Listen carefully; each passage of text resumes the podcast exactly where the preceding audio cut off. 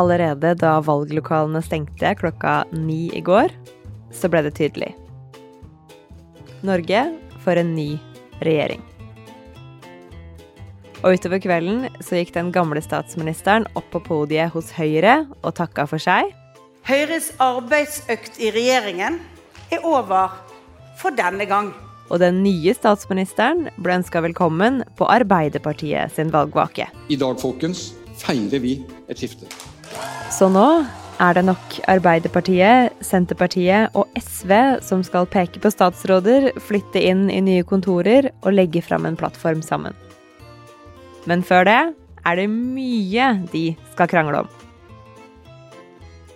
Du hører på Forklart fra Aftenposten. Jeg heter Anne Lindholm, og i dag er det tirsdag 14. september.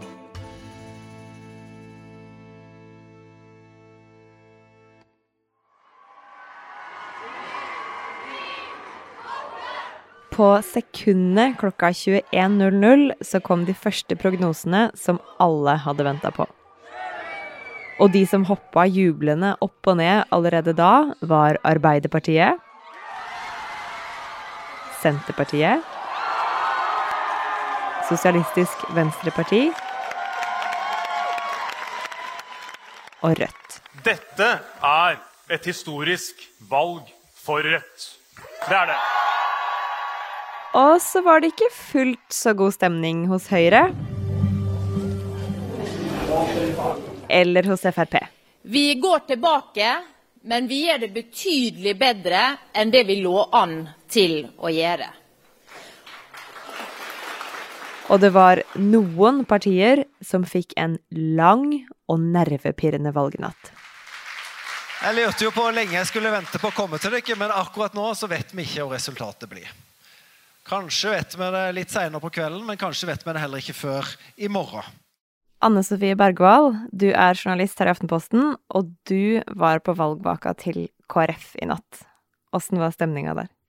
Altså, For å si det sånn, jeg tror det at det må ha vært noen som har sittet der og, og kommet med en stille bønn. Eh, det var i hvert fall noen som eh, beit negler, og det var eh, hjerter som dunket, og det var veldig stor spenning. Ja, hvorfor var akkurat KrF så spente? Jo, fordi at KrF har jo ligget eh, og vaket rundt 4% på målingene, som er sperregrensen, da. Og det vil jo utløse for de eh, veldig mange flere plasser i Stortinget enn hvis de kommer under 4% Hvis du får over 4 i, i oppslutning i stortingsvalget i Norge i dag, så får du automatisk minst seks plasser i Stortinget. Hvis du får mindre enn det, så kan du risikere å få to, kanskje tre. Så for KrF så handlet det om en forskjell på to og syv kandidater. Og hva skjedde da de første prognosene kom? Altså Først så fikk vi jo resultatene som viste hvordan det sto til med eh, det rød-grønne flertallet versus det borgerlige flertallet. Og da var jo de første tallene 104 eh, på rød-grønn side. Veldig overveldende flertall. Og det gikk sånn Altså det var øredøvende stillhet når de skjønte at de ikke bare hadde tapt, men hvor grådig de hadde tapt òg. Så kom jo da seinere tallene som viste oppslutningen til KrF.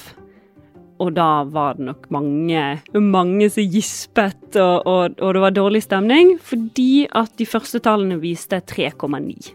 For et sperregrensedrama som vi jo var forberedt på, men dette er nesten enda eh, eh mer spennende enn det vi hadde forutsett. Men... Og sånn fortsatte det hele kvelden. De gikk opp, de gikk ned, de gikk opp, opp, opp. Og så begynte det å rase nedover igjen. På toppen så var de på 4,2.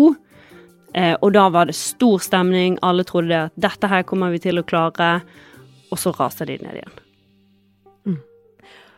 Og det var jo ikke bare KrF som var så spente på sperregrensa, det var KrF og Rødt og MDG og Venstre, som alle sammen på målingene hadde ligget litt over, litt under eh, sperregrensa, alle sammen. Og åssen gikk det med alle sammen? Altså, det har jo vært en kjempestor eh, sperregrensetriller. Eh, jeg tror kanskje ikke vi har hatt så mange partier som har konkurrert om sperregrensen, eller kjempet mot sperregrensen eh, før. Og det ble jo 50-50. Eh, Rødt og Venstre kom over sperregrensen. MDG og KrF gjorde ikke det. Nå er Arbeiderpartiet det største partiet i Norge, med 26% oppslutning, altså en fjerdedel av stemmene. Men det er jo ikke nok til flertall på Stortinget. Så åssen skal det gå, da, når de må krangle med to andre om en plan for de neste fire åra?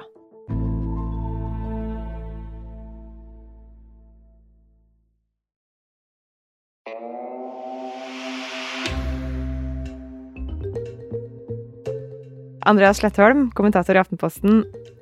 Hva tenkte du da de første tallene kom klokka ni? Nei, det var jo nesten litt sånn som forventa, for det var veldig spennende rundt uh, sperregrensa, med partier som vippa opp og ned og hit og dit hele veien, i et par timers tid i hvert fall.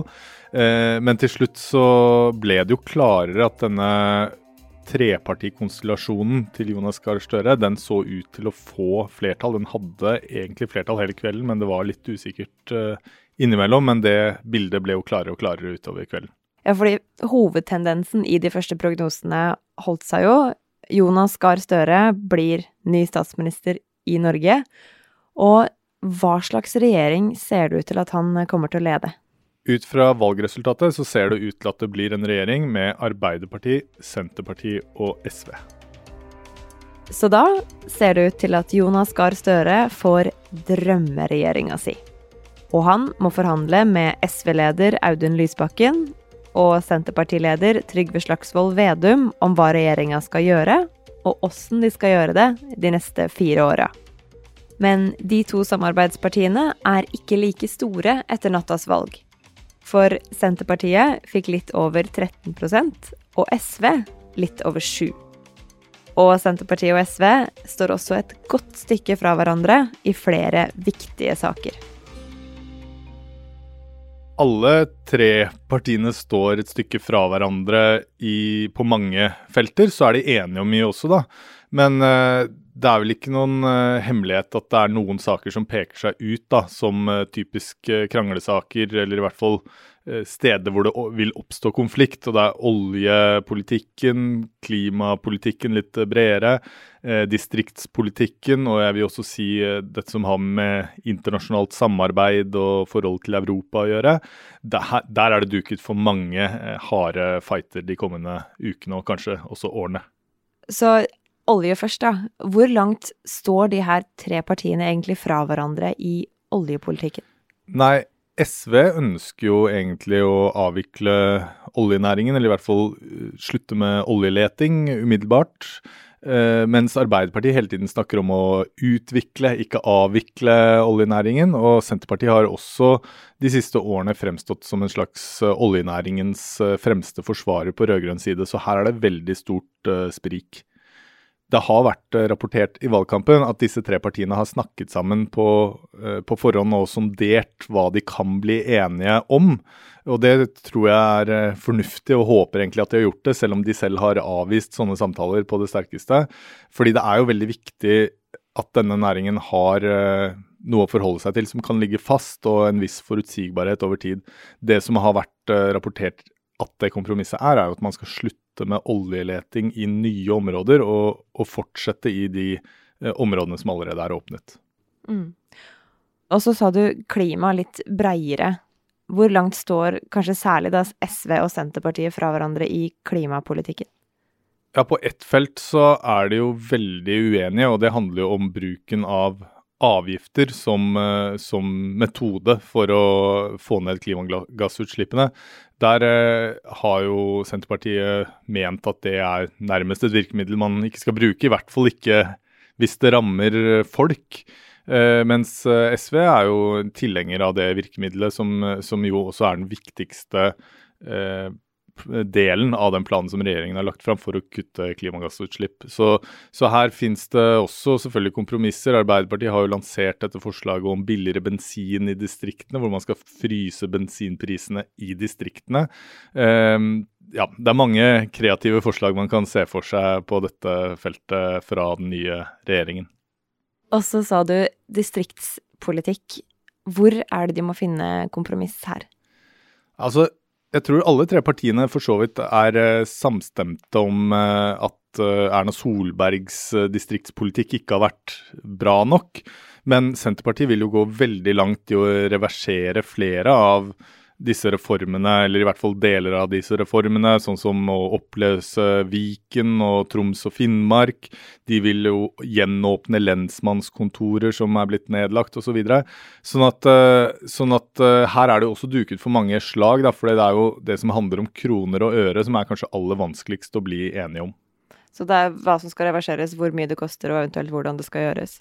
Ja, det er mye, og det er på mange felter. Politi, fylkesstruktur, eh, domstolsreformen har vi hatt. Eh, det, det, og det, det, vil selvfølgelig komme alle disse klassiske sakene om samferdsel, hvilke veier som skal prioriteres eh, framfor eh, tog osv. Så, videre. så Så her er det duket for mange slag.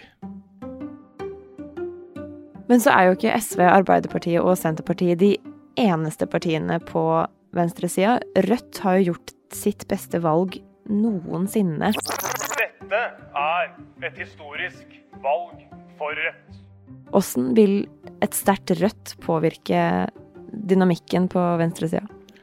Ja, nå vil ikke Rødt utgjøre en del av det parlamentariske grunnlaget her, fordi regjeringen har flertall. Men det er klart at spesielt for SV, som jo kanskje ikke gjorde et så godt valg som de hadde håpet på, så har de en veldig sterk utfordrer da til venstre for seg i Rødt. Eh, og det vil jo skape mye trøbbel. Vi skal jo huske, vi snakker jo nå som om det er sikkert at det blir en trepartiregjering med, med Arbeiderpartiet og SV og Senterpartiet.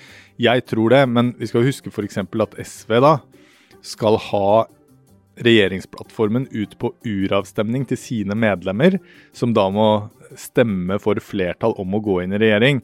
Og det er klart at det hadde nok vært litt lettere å gjøre hvis Rødt var uh, litt mindre, SV litt større. Nå blir jo SV sittende som en veldig sånn juniorpartner i en sånn trepartiregjering, sånn at uh, helt enkelt er det ikke spesielt for SV. Så helt til slutt, da, Andreas. Hva kan du si sikkert om åssen de neste fire åra blir? Veldig lite. Det tror jeg kanskje de siste fire årene kan være en, eh, en et bevis på. Sånn selv om, eh, selv om det er mye klarere nå enn det kunne ha vært, fordi uten denne eh, klassiske rød-grønn-konstellasjonens eh, flertall, så ville situasjonen i norsk politikk vært utrolig kaotisk. Nå er det tross alt et avklart eh, flertall som jeg tror de fleste regner med at vil gå inn i regjering. Men så skal vi jo huske at det er jo ikke sikkert at en flertallsregjering holder gjennom en fireårsperiode. Det er mange eh, interne fighter og bråk som kan eh, oppstå, spesielt hvis partiene begynner å falle på meningsmålingene, og hvis de føler at de ikke får nok eh, gjennomslag i regjering og sånn. Så, så det er veldig vanskelig å spå.